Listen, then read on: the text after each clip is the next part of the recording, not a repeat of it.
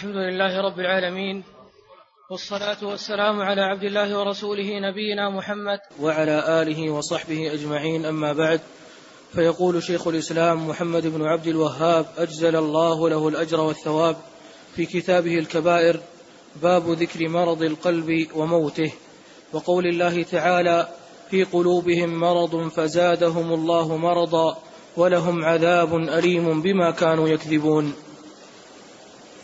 وقوله لئن لم ينتهي المنافقون والذين في قلوبهم مرض والمرجفون في المدينة لنغرينك بهم ثم لا يجاورونك فيها إلا قليلا ملعونين أينما ثقفوا أخذوا وقتلوا تقتيلا. بسم الله الرحمن الرحيم. الحمد لله رب العالمين. وأشهد أن لا إله إلا الله وحده لا شريك له. وأشهد أن محمدا عبده ورسوله صلى الله وسلم عليه. وعلى آله وأصحابه أجمعين. أما بعد قال رحمه الله تعالى باب ذكر مرض القلب وموته. مرض القلب القلب عافانا الله وإياكم يصاب بنوعين من المرض. مرض يقال له مرض الشبهات والآخر يقال له مرض الشهوات. مرض الشبهات يتعلق بالنواحي العلمية ومرض الشهوات يتعلق بالنواحي العملية. مرض الشبهات فساد في العلم ومرض الشهوات فساد في العمل. ومن أمثلة مرض الشبهات مرض النفاق. وفيه هاتين هاتان الآيتان اللتان ساقهما المصنف رحمه الله. ومرض الشهوات منه قول الله عز وجل فيطمع الذي في قلبه مرض أي مرض الشهوة. وكل منهما له محركات. والشيطان طمعه في الإنسان أن يمرض قلبه بأي النوعين من هذين المرضين مرض الشبهات أو الشهوات. وإذا وجد عند الإنسان تساهلا في الدين أدخله في مرض الشهوات. وإن كان عنده تشددا في الدين أدخله في مرض الشبهات. ولا يبالي عدو الله بأي النوعين من المرض ظفر. والواجب على العبد أن يحذر أشد الحذر من مرض القلب. والمرض والقلب يمرض ثم يسوء به الحال ويشتد به الأمر فيموت. كما قال رحمه الله باب ذكر مرض القلب وموته. فيموت القلب. بسبب ما تراكم عليه من الشبهات أو ما تراكم عليه من الشهوات. ولا ينجو عند الله سبحانه وتعالى إلا القلب السليم أي السليم من مرض الشهوات والسليم من مرض الشبهات. قال وقول الله عز وجل في قلوبهم مرض السياق في المنافقين. في قلوبهم مرض أي مرض النفاق. فزادهم الله مرضا ولهم عذاب أليم بما كانوا يكذبون. في قلوبهم في قلوبهم مرض فزادهم الله. انظر هذه الآية مع قوله والذين اهتدوا زادهم هدى. وهذا فيه أن العبد إذا أخذ بنفسه في سبيل الهداية أعانه الله وسدده. وإذا أخذ في سبيل المرض والزيغ زاده الله زيغا ومرضا. فلما زاغوا أزاغ الله قلوبهم. في قلوبهم مرض فزادهم الله مرضا. ولهم عذاب أليم بما كانوا يكذبون. قال وقوله لئن لم ينته المنافقون والذين في قلوبهم مرض أي مرض النفاق وهو مرض الشبهات والمرجفون في المدينة لنغرينك بهم ثم لا يجاورونك فيها إلا قليلا. ملعونين أينما ثقفوا أخذوا وقتلوا تقتيلا. فالشاهد من الآيتين أن القلب يمرض والمرض الذي فيه قد يزداد إلى أن يصل إلى مرحلة الموت. نعم. وعن أبي هريرة رضي الله عنه أنه قال قال رسول الله صلى الله عليه وسلم إن المؤمن إذا أذنب ذنبا كانت نكتة سوداء في قلبه فإن تاب ونزع واستعتب صقل قلبه وإن زاد زادت حتى تعلو قلبه. فذلك الران الذي قال الله تعالى فيه كلا بل ران على قلوبهم ما كانوا يكسبون. رواه الترمذي وقال حسن صحيح.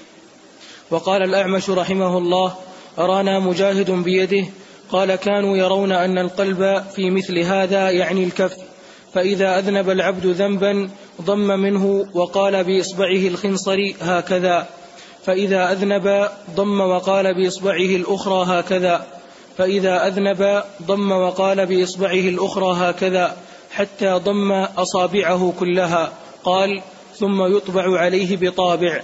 وكانوا يرون أن ذلك هو الران. رواه ابن جرير عن أبي كريب عن وكيع عنه, به عنه بنحوه.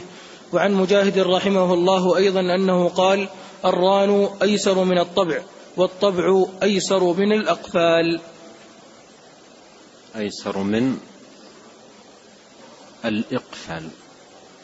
قالوا عن أبي هريرة رضي الله تعالى عنه قال قال رسول الله صلى الله عليه وسلم إن المؤمن إذا أذنب إذا أذنب ذنبا نكتت نكتة سوداء في قلبه. والنكتة هي الجزء اليسير من نقطة أو نحوها يكون على الثوب أو على الورق أو على أي شيء فيظهر متميزا بمثلا سواده أو خضاره أو زراقه أو يقال له نكتة. النكتة هي الشيء اليسير من أي لون كان. الشيء اليسير من أي لون كان يسمى نكتة. يقال هذه نكتة على هذه الورقة أو نكتة على الثوب أي قطعة من اللون صغيرة يسيرة جدا. فإذا أذنب العبد ذنبا نكت في قلبه نكتة سوداء. نكتة سوداء. أي قطعة صغيرة من السواد تنطبع على قلبه. فإن تاب ونزع إن تاب إلى الله ونزع واستعتب طلب من الله عز وجل العفو والصفح وندم على ذنبه صقل قلبه أي تزول تلك النكتة ويكون قلبه صافيا سليما. وإن زاد زادت. إن زاد من الذنوب زادت هذه النكت السوداء حتى تعلوه أي تغطيه. حتى تعلو القلب أي تغطي القلب فذلك الران الذي قال الله تعالى فيه كلا بل ران على قلوبهم ما كانوا يكسبون أي غطى على قلوبهم ما يكسبونه من ذنوب وآثام. قال الأعمش آه، قال الأعمش ارانا مجاهد بيده؟ قال كانوا يرون أن القلب في مثل هذا يعني الكف. يرون القلب في مثل هذا يعني الكف. يرون القلب في مثل هذا يعني الكف. فإذا أذنب العبد ذنبا ضم منه وقال بإصبعه الخنصر هكذا. فيلاحظ الآن أن جزءا غطى الكف.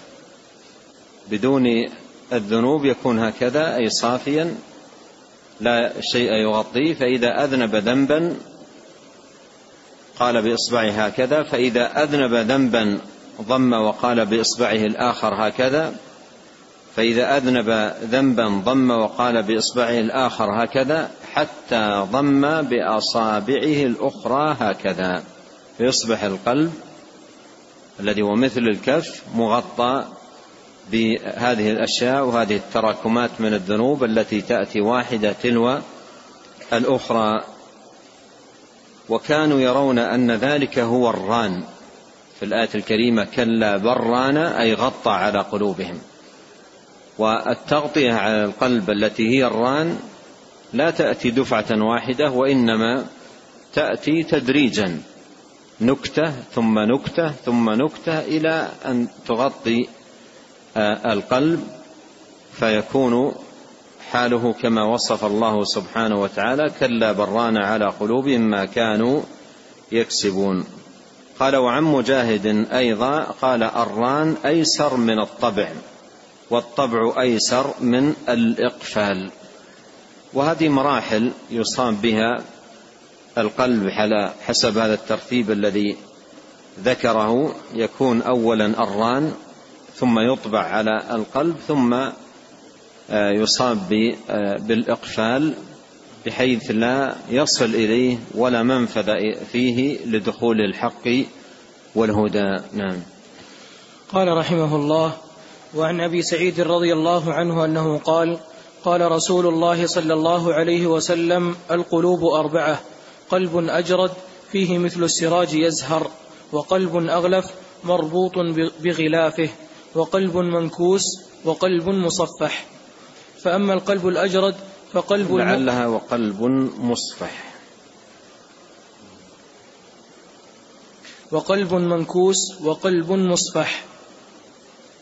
فأما القلب الأجرد فقلب المؤمن فسراجه فيه نور وأما القلب الأغلف فقلب الكافر وأما القلب المنكوس فقلب المنافق الخالص عرف الحق ثم أنكر وأما القلب المصفح فقلب فيه إيمان ونفاق. ومثل الإيمان فيه كمثل البقلة يمدها الماء الطيب ومثل النفاق فيه كمثل القرحة يمدها القيح والدم فأي المادتين غلبت على الأخرى غلبت عليه. قال وعن أبي سعيد رضي الله عنه مرفوعا قال قال رسول الله صلى الله عليه وسلم القلوب أربعة. القلوب أي في أحوالها من حيث الطاعة وعدمها من حيث سلامة القلب ومرضه من حيث حياة القلب وموته القلوب أربعة قلب أجرد قلب أجرد. ومعنى أجرد أي متجرد أجرد أي متجرد لله سبحانه وتعالى ليس فيه إلا طلب رضا الله والعمل بما يرضيه سبحانه وتعالى متجرد مما سوى الله تبارك وتعالى ليس فيه إلا طلب رضا الله والعمل على نيل رضاه عز وجل. قلب أجرد. فيه مثل السراج يزهر أي يضيء. فهو قلب متجرد أي مخلص دينه لله صادق مع الله سبحانه وتعالى مقبل على على الله عز وجل مجردا التوحيد لله ومجردا المتابعة للرسول الكريم عليه الصلاة والسلام. وفي مصنفات أهل العلم في الاعتقاد كتاب تجريد التوحيد. تجريد التوحيد. فمن جرد التوحيد لله عز وجل ينطبق عليه هذا المعنى. قلب أجرد. قلب أجرد أي متجرد صاحبه لله سبحانه وتعالى. وقلب أغلف مربوط بغلافة. أغلف أي عليه غشاوة عليه غطاء. يغطيه من كل جانب ويحيط به من كل جانب. وقلب منكوس. وقلب منكوس أي منقلب ليس سويا قلب منكس. وقلب مصفح. مصفح أي له صفحتان. جانب خير وجانب شر. له وجهان. وجه فيه شيء من الخير ووجه فيه شر.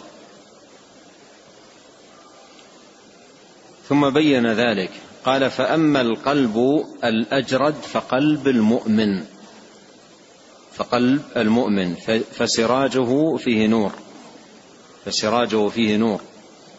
فقلب المؤمن قلب أجرد أي متجرد لله عز وجل مخلص صادق مع الله ومضيء بنور الإيمان. لأن الإيمان نور والوحي نور يضيء لصاحبه. أو من كان ميتا فأحييناه.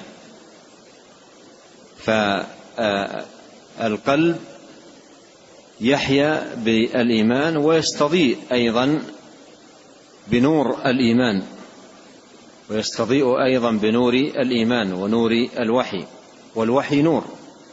كما قال الله سبحانه وكذلك أوحينا إليك روحا من أمرنا ما كنت تدري ما الكتاب ولا الإيمان ولكن جعلناه نورا. فالوحي نور يضيء لصاحبه قال وأما القلب الأغلف فقلب الكافر. الأغلف هو الذي غطى غطت عليه الظلمات ظلمات الشرك وظلمات الباطل وظلمات الذنوب فغطت عليه فأصبحت على القلب مثل الغلاف المحيط به من كل جانب. وأما القلب المنكوس فقلب المنافق الخالص. عرف الحق ثم أنكر. عرف الحق واستبان له الهدى وظهر وأنكر ذلك. وأصبح يظهر إيمانا ويبطن كفرا محضا. وأما القلب المصفح أي الذي له صفحتان له وجهان وجه خير وجه شر فقلب فيه إيمان ونفاق. فقلب فيه إيمان ونفاق.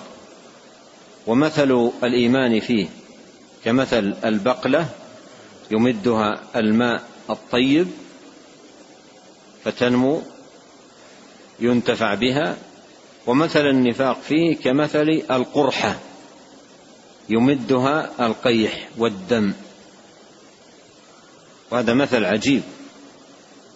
مثل عجيب في وصف أحوال القلوب الأربعة. يمدها القيح والدم فأي المادتين غلبت على الأخرى غلبت عليه. هذا الذي يتنازعه أمران خير وشر. الخير له أشياء تمده والشر له أيضا أشياء تمده. ومثل الخير كمثل البقلة. يمدها الماء. الطيب. ومثل النفاق كمثل القرحة يمدها القيح والدم. يمدها القيح والدم. فإذا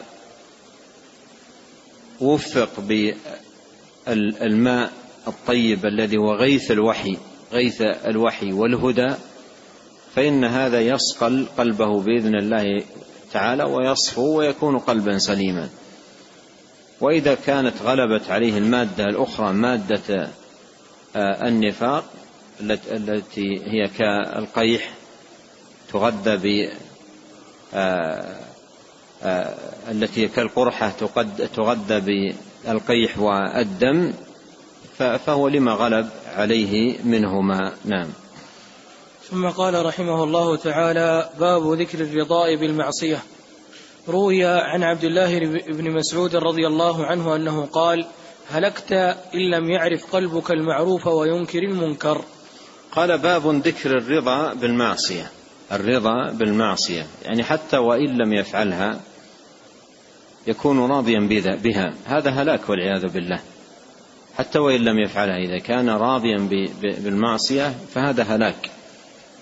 ولهذا أقل مراتب إنكار المنكر التي ليس وراءها من الإيمان حبة خردل الكراهية في القلب كراهية المنكر في القلب وليس وراء ذلك من الإيمان حبة خردل. أما أن يكون الإنسان راضيا بالمنكر فهذا هلاك والعياذ بالله حتى وإن لم يفعل.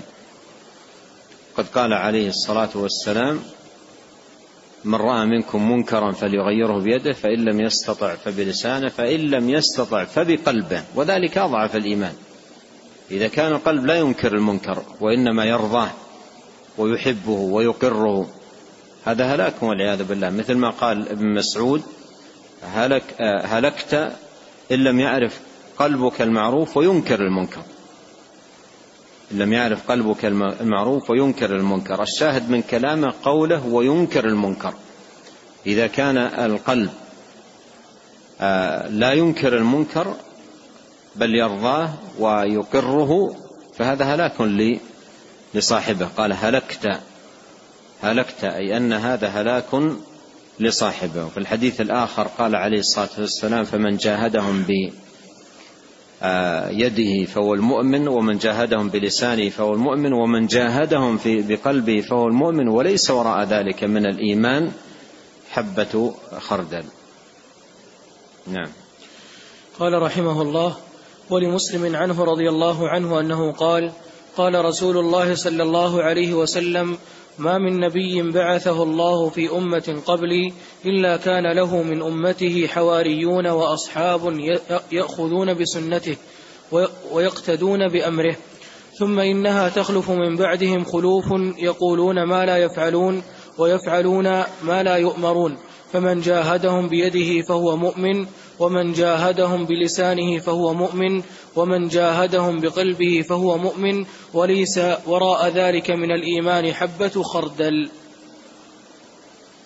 قال ولمسلم عنه أي ابن مسعود رضي الله عنه قال قال رسول الله صلى الله عليه وسلم ما من نبي بعثه الله في أمة قبلي إلا كان له من أمته حواريون وأصحاب له من أمته صفوة وخلاصة يلازمونه يتبعون نهجه يسيرون آه، وفق سنته. وهم صفوة الناس صفوة الناس. وصفهم بصفتين تأملهما جيدا. قال يأخذون بسنته ويقتدون بأمره. يأخذون بسنته ويقتدون بأمره. وهذا فيه تنبيه على صلاحهم في الجانبين جانب العلم وجانب العمل. يأخذون بسنته ويقتدون بأمره. وعرفنا أن المرض مرض القلب مرضان. مرض علمي ومرض آه، الشبهات ومرض عملي ومرض الشهوات. وهذا فيه سلامتهم من هذا كله وصلاحهم في العلم والعمل. أما صلاحهم في العلم ففي قوله يأخذون بسنته. يأخذون بسنته. علمهم من أين مصدره؟ علومهم ما هو مصدرها؟ من أين يتلقونها؟ هل من مصادر علومهم الآراء؟ هل من مصادر علومهم مثلا القصص والحكايات؟ هل من مصادر علومهم الذوق؟ هل كذا إلى آخره؟ لا لهم مصدر السنة كل شيء يقوله من أمر الدين يسنده إلى الرسول ويتلقاه عن الرسول عليه الصلاة والسلام يأخذون بسنته فعلومهم متلقاة من السنة من الرسول.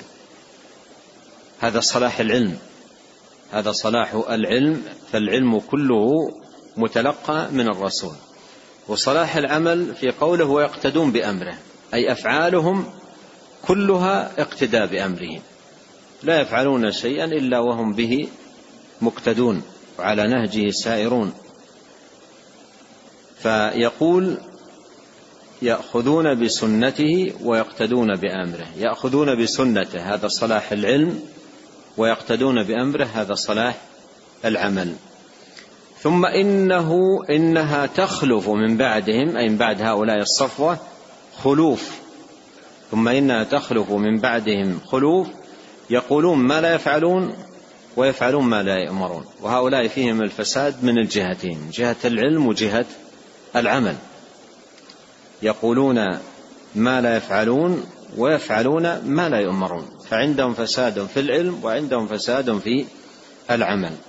قال فمن جاهدهم أن هذا منكر عظيم فمن جاهدهم بيده فهو مؤمن ومن جاهدهم بلسانه فهو مؤمن ومن جاهدهم بقلبه فهو مؤمن وليس وراء ذلك من الإيمان حبة خردل.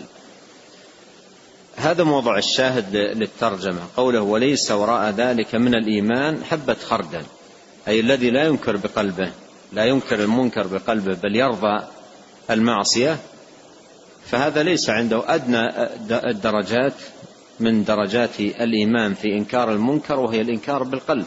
إذا كان قد رضي بالمعصية وأقر بها. قال رحمه الله وله عن أم سلمة رضي الله عنها مرفوعا إنه يستعمل عليكم أمراء فتعرفون وتنكرون فمن كره فقد برئ ومن أنكر فقد سلم ولكن من رضي وتابع أي من كره بقلبه و وأنكر بقلبه. وفي رواية غير الصحيح بعد وتابع فأولئك هم الهالكون. وفي رواية غير الصحيح بعد وتابع. بعد وتابع فأولئك هم الهالكون. قال وله عن أم سلمة رضي الله تعالى عنها مرفوعا له أي مسلم رحمه الله عن أم سلمة رضي الله عنها مرفوعا إنه يستعمل عليكم أمراء. إنه يستعمل عليكم أمراء فتعرفون وتنكرون. أي في من الأمور التي يباشرونها ويعملونها أشياء تعرفونها أي تعرفونها من هدي الإسلام ومن دين الله تبارك وتعالى. وتنكرون أي تنكرون أشياء من الأمور التي يفعلونها أشياء منكرة ليست من دين الله سبحانه وتعالى. فعندهم أشياء من من دين الله وعندهم أشياء منكرة ليست من دين الله عز وجل. قال فمن كره فقد برئ. فمن كره فقد برئ. برئت ذمة برئت ذمته بالكراهة. لأن أتى بالقدر الأدنى أو القدر الأقل الذي تبرأ به الذمة. تبرأ به الذمة ويسلم به من العقوبة. كره أي كره بقلبه. كره هذه المنكرات التي عندهم بقلبه. فهذه الكراهية تحصل بها براءة الذمة. فقد برئ أي برئ ذمته. لكن إن إن لم يكره بقلبه ورضي أعمالهم تلك فقد هلك. فقد هلك. قال وهذا موضع الشاهد. فمن كره فقد برئ. ومن أنكر فقد سلم. ومن أنكر فقد سلم إذا كان من أهل القدرة على الإنكار والمناصحة والوصول إلى الولاة ومخاطبتهم بتلك المنكرات وتحذيرهم من خطورتها وسوء مغبتها ومن أنكر فقد سلم ولكن أي الخطورة والعقوبة والذنب ولكن من رضي وتابع من رضي وتابع أي رضي بالمنكر وتابع أولئك عليه رضي بالمنكر أي في قلبه وتابع أي تابعهم بفعل ذلك المنكر. أي من كره بقلبه وأنكر بقلبه. هذا تفسير لقوله فمن كره فقد برئ ومن أنكر فقد برئ. من كره بقلبه وأنكر بقلبه. قال فمن فمن كره فقد برئ أي كره بقلبه ومن أنكر بقلبه فقد سلم فقد سلم ومن وفقه الله عز وجل وعنده قدرة على المناصحة فهذه درجة أعلى من هاتين الدرجتين. أما أما هاتان الدرجتان الكراهة يحصل بها براءة الذمة والإنكار بالقلب يحصل به السلامة من ذلك المنكر لكن من رضي وتابع. ولكن من رضي وتابع. وقوله من كره قوله من كره الكراهة يحصل بها الرضا عدم الرضا والإنكار يحصل به عدم المتابعة. الكراهة بالقلب يحصل بها يتحقق بها عدم الرضا والإنكار يحصل يتحقق به عدم المتابعة وبهذين تكون براءة الذمة والسلامة. قال وفي رواية غير الصحيح بعد وتابع فأولئك هم الهالكون. أولئك هم الهالكون أي من رضي وتابع فإنه هالك. نعم.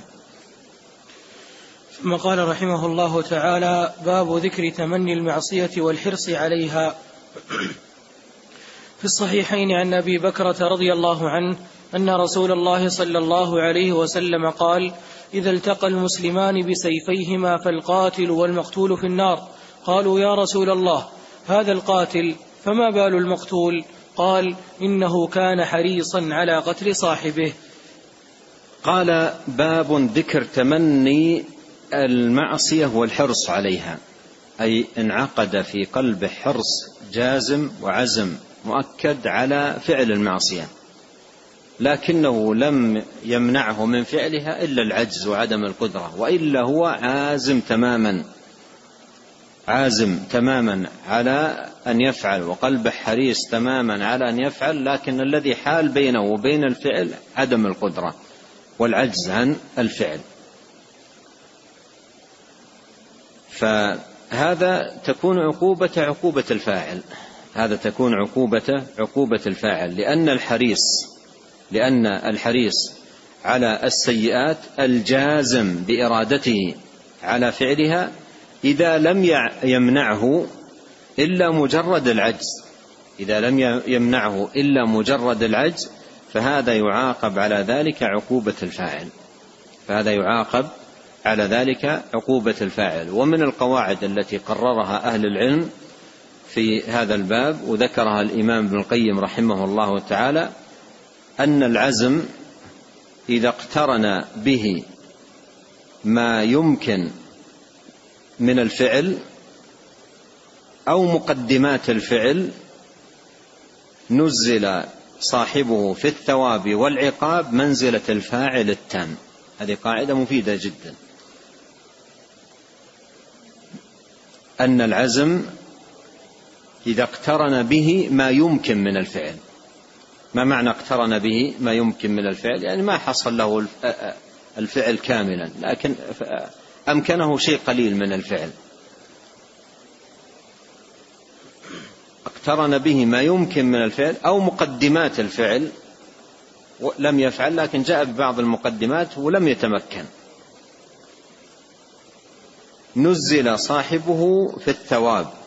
إن كان هذا العمل طاعة والعقاب إن كان ذلك العمل معصية منزلة الفاعل التام. منزلة الفاعل التام. ينزل منزلة الفاعل التام بذاك الحرص الشديد الذي قام في قلبه أنه, أنه يفعل هذا الأمر ولم يمنعه من فعله إلا ماذا؟ إلا عدم القدرة. العجز وعدم القدرة. وذكر رحمه الله على ذلك دليلين. دليل دليلين من السنة. ذكر على ذلك دليلين من السنة. الأول في الصحيحين عن أبي بكرة رضي الله عنه أن رسول الله صلى الله عليه وسلم قال إذا التقى المسلمان بسيفيهما فالقاتل والمقتول في النار. إذا التقى المسلمان بسيفيهما هذا الالتقاء بالسيفين يعني أن كل واحد منهما يريد أن يقتل الآخر لكن أحدهما سبق فقتل الآخر إذا الآخر الذي هو المقتول لولا أن هذا سبق إلى القتل كان ماذا؟ يريد أن يسبق هو إلى القتل لكن سبق فلم يتمكن من القتل فيقول إذا التقى المسلمان بسيفيهما فالقاتل والمقتول في النار. قالوا يا رسول الله هذا القاتل هذا القاتل فما بال المقتول؟ هذا القاتل واضح قتل. فما بال المقتول أيضا يكون في النار؟ قال إنه كان حريصا على قتل صاحبه. إنه كان حريصا على قتل صاحبه. فهذا يؤخذ منه أن الحرص التام والعزم الذي لا يرد عنه إلا عدم القدرة على فعل الذنب ينزل منزلة الفاعل التام. ولهذا قال عنهما كلاهما في النار القاتل والمقتول. القاتل لأنه قتل والمقتول لأنه كان حريصا على القتل وعزم على ذلك عزما أكيدا لم يمنعه أو يحل بينه إلا أنه بادر صاحبه إلى قتله. نعم. قال رحمه الله وعن أبي كبشة الأنماري رضي الله عنه مرفوعا أنه قال مثل هذه الأمة مثل أربعة رجال. رجل آتاه الله مالا وعلما فهو يعمل في ماله بعلمه. ورجل آتاه الله علما ولم يؤته مالا فقال لو كان لي مال مثل مال فلان لعملت فيه مثل عمله فهما في الأجر سواء. ورجل آتاه الله, آتاه الله مالا ولم يؤته علما فهو يتخبط في ماله لا يدري ما له مما عليه. ورجل لم يؤته الله مالا ولا علما فقال لو كان لي مثل لو كان لي مثل مال فلان لعملت فيه مثل مثل عمل فلان فهما في الوزر سواء. صححه الترمذي. ورد في حديث عن عن النبي عليه الصلاة والسلام أنه قال ومن هم بسيئة فلم يعملها كتبت له حسنة. من هم بسيئة فلم يعملها. هل هل يقال في ذاك الأول القاتل قال لم يعمل السيئة. لم يعمل السيئة. هل هذا الحديث ينطبق عليه؟ وهل وهل هذا الحديث يعارض ذاك الحديث؟ يقال إن في حديث آخر النبي صلى الله عليه وسلم قال من هم بسيئة فلم يعملها كتبت له حسنة. فهل ينطبق عليه؟ هذا الشيء وهذا شيء آخر. هذا هم بسيئة ومنعه منها خوف الله خشية الله الخوف من عقوبة الله تقوى الله عز وجل. هذا تكتب له حسنة يكتب له تركه للسيئة حسنة ويدخل في جملة طاعاته وعباداته. فرق بين من يترك السيئة خوفا من الله وبين من يترك السيئة لعجزه وعدم قدرته عليها. ولو تمكن لفعلها لحرصه التام وعزمه الأكيد على فعلها ففرق بين من تركها لعجزه وبين من تركها لخوفه من ربه سبحانه وتعالى. قال وعن أبي كبشة الأنماري رضي الله عنه مرفوعا مثل هذه الأمة كمثل أربعة رجال.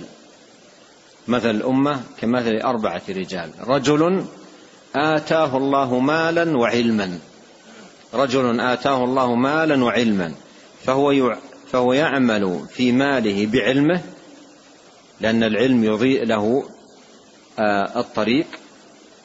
وإذا دخل الانسان في المال بدون علم دخل في أمور محرمة وأشياء تسخط الله عز وجل. ولهذا كان نبينا عليه الصلاة والسلام كل يوم إذا أصبح يقول في دعائه اللهم إني أسألك علما نافعا ورزقا طيبا. بدأ بالعلم النافع قبل الرزق الطيب. لماذا؟ لأنه لا يمكن أن يميز الإنسان بين رزق طيب وخبيث إلا بالعلم. فإذا كان عند المرء إذا كان عند المرء علم نافع فإنه يميز به بين الخبيث والطيب. وهذا الرجل آتاه الله مالا وعلما فهو يعمل في ماله بعلمه. بعلمه أي الذي آتاه الله إياه. ورجل آتاه الله علما ولم يؤته مالا. آتاه الله علما ولم يؤته مالا. فقال لو كان لي مال مثل مال فلان لعملت فيه مثل عمله. هذا عزم وحرص شديد قام في قلب هذا الرجل والعزم آه، العزم والحرص على الخير إذا قام في القلب ولم يمنع منه إلا عدم القدرة مثل هذا الآن لم يمنعه من أن يفعل مثل ذاك الرجل إلا عدم وجود المال. ولا لو وجد المال لفعل مثله. ينزل منزلة الفاعل. ينزل منزلة الفاعل. ولهذا قال فهما في الأجر سواء. فهما في الأجر سواء. سبحان الله. انظر إلى سعة فضل الله عز وجل. رجل ثري. عنده أموال كثيرة جدا وعنده علم ويعمل بماله بعلمه يزكي ويتصدق ويبني المساجد ويطبع المصاحف ويبني دور الأيتام ويحفر الآبار ويعمل أعمال كثيرة من أعمال الخير. ورجل آخر فقير ما عنده شيء. ليس عنده شيء لكن عنده علم. وقال وصدق مع ربه في عزمه أن لو كان عنده من المال مثل ما عند ذلك الرجل لفعل مثله. فهما في الأجر سواء. يجد يوم القيامة أجر مثل تلك الأجور. حفر آبار طباعة مصاحف بناء مساجد إلى غير ذلك. يجد هذه الأجور وأيضا لا يأتي بمال يوم القيامة يحاسب عليه. الفقراء يسبقون الأغنياء لكنه يحصل هذه الأجور أجور الأموال بهذا الحرص الذي قام في قلبه. والله عز وجل فضله عظيم فضله واسع. ومع ذلك كثير من الفقراء أو أكثر الفقراء يبخل على نفسه بهذا الحرص. يبخل بنفسه يبخل على نفسه بهذا الحرص الذي يحصل فيه هذه الأجور آه، العظيمة. الجزيلة الواسعة في أمور لم يعملها لكن قام في قلبه حرص شديد عليها فأعطاه الله عز وجل على هذا الحرص مثل أجر الفاعل. ورجل آتاه الله مالا ولم يؤته علما. آتاه الله مالا ولم يؤته علما. عنده أموال كثيرة وليس عنده علم. وهذا خطر جدا على الإنسان إذا كان عنده أموال كثيرة وليس عنده علم هذا من أخطر ما يكون. فهو يتخبط في ماله لا يدري ما له مما عليه يتخبط في ماله لا يدري ما له مما عليه ولهذا يمشي في المال خبط عشواء تضيع حقوق ويعتدي على أشخاص وينتهب أموال ويرابي في المال وإلى غير ذلك من الوجوه المحرمة. يتخبط في ماله لا يدري ماله مما عليه. ورجل لم يؤته الله مالا. وهذا موضع الشاهد للترجمة. ورجل لم يؤته الله مالا ولا علما فقال لو كان لي مثل مال فلان لعملت فيه مثل عمله. نسأل الله العافية. لو كان لي مال مثل مال فلان لعملت مثل عمله. يراه يرى ذلك الذي مع الأموال. يستخدم الأموال في الخمور في الفواحش في الرذائل في المحرمات في كذا. ويخبط في في في, في المال هذا الخبط. فيقول هذا الفقير لو كان لي مال مثله لفعلت مثله. لأنه لا مال عنده ولا علم عنده. لا مال عنده ولا علم عنده. قال لعملت فيه مثل عمل فلان. فهما في الوزر سواء. فهما في الوزر سواء. لماذا في الوزر سواء؟ لأن الحريص الذي عنده العزم الأكيد الذي لم يمنعه من الفعل إلا العجز وعدم القدرة ينزل منزلة الفاعل التام. لأنه أتى بالنية ومقدوره التام فنزل منزلة الفاعل التام. إذا هذا الحديث الذي هو حديث أبي كبشة يمكن أن تستخلص منه القاعدة التي أشار إليها أهل العلم وهي أن العزم إذا اقترن به ما يمكن من الفعل أو مقدمات الفعل نزل صاحبه في الثواب والعقاب منزلة الفاعل التام. ونسأل الله الكريم رب العرش العظيم أن ينفعنا أجمعين بما علمنا وأن يزيدنا علما وأن يصلح لنا شأننا كله وأن لا يكلنا إلى أنفسنا طرفة عين وأن يغفر لنا ولمشايخنا ولوالدينا ولمشايخنا وللمسلمين والمسلمات والمؤمنين والمؤمنات الأحياء منهم والأموات. اللهم آت نفوسنا تقواها وزكها. أنت خير من زكاها أنت وليها ومولاها. اللهم إنا نسألك الهدى والسداد. اللهم اغفر لنا ذنبنا كله دقه وجله أوله وآخره سره وعلنه. اللهم اعنا على ذكرك وشكرك وحسن عبادتك. اللهم إنا نسألك علما نافعا ورزقا طيبا وعملا متقبلا. اللهم اغفر ذنوب المذنبين وتب على التائبين. واكتب الصحة والعافية والسلامة والغنيمة والأجر الموفور للحجاج والمعتمرين ولعموم المسلمين يا رب العالمين. اللهم اقسم لنا من خشيتك ما يحول بيننا وبين معاصيك ومن طاعتك ما تبلغنا به جنتك ومن اليقين ما تهون به علينا مصائب الدنيا. اللهم متعنا بأسماعنا وأبصارنا وقوتنا ما احيتنا واجعله الوارث منا واجعل ثأرنا على من ظلمنا وانصرنا على من عادانا.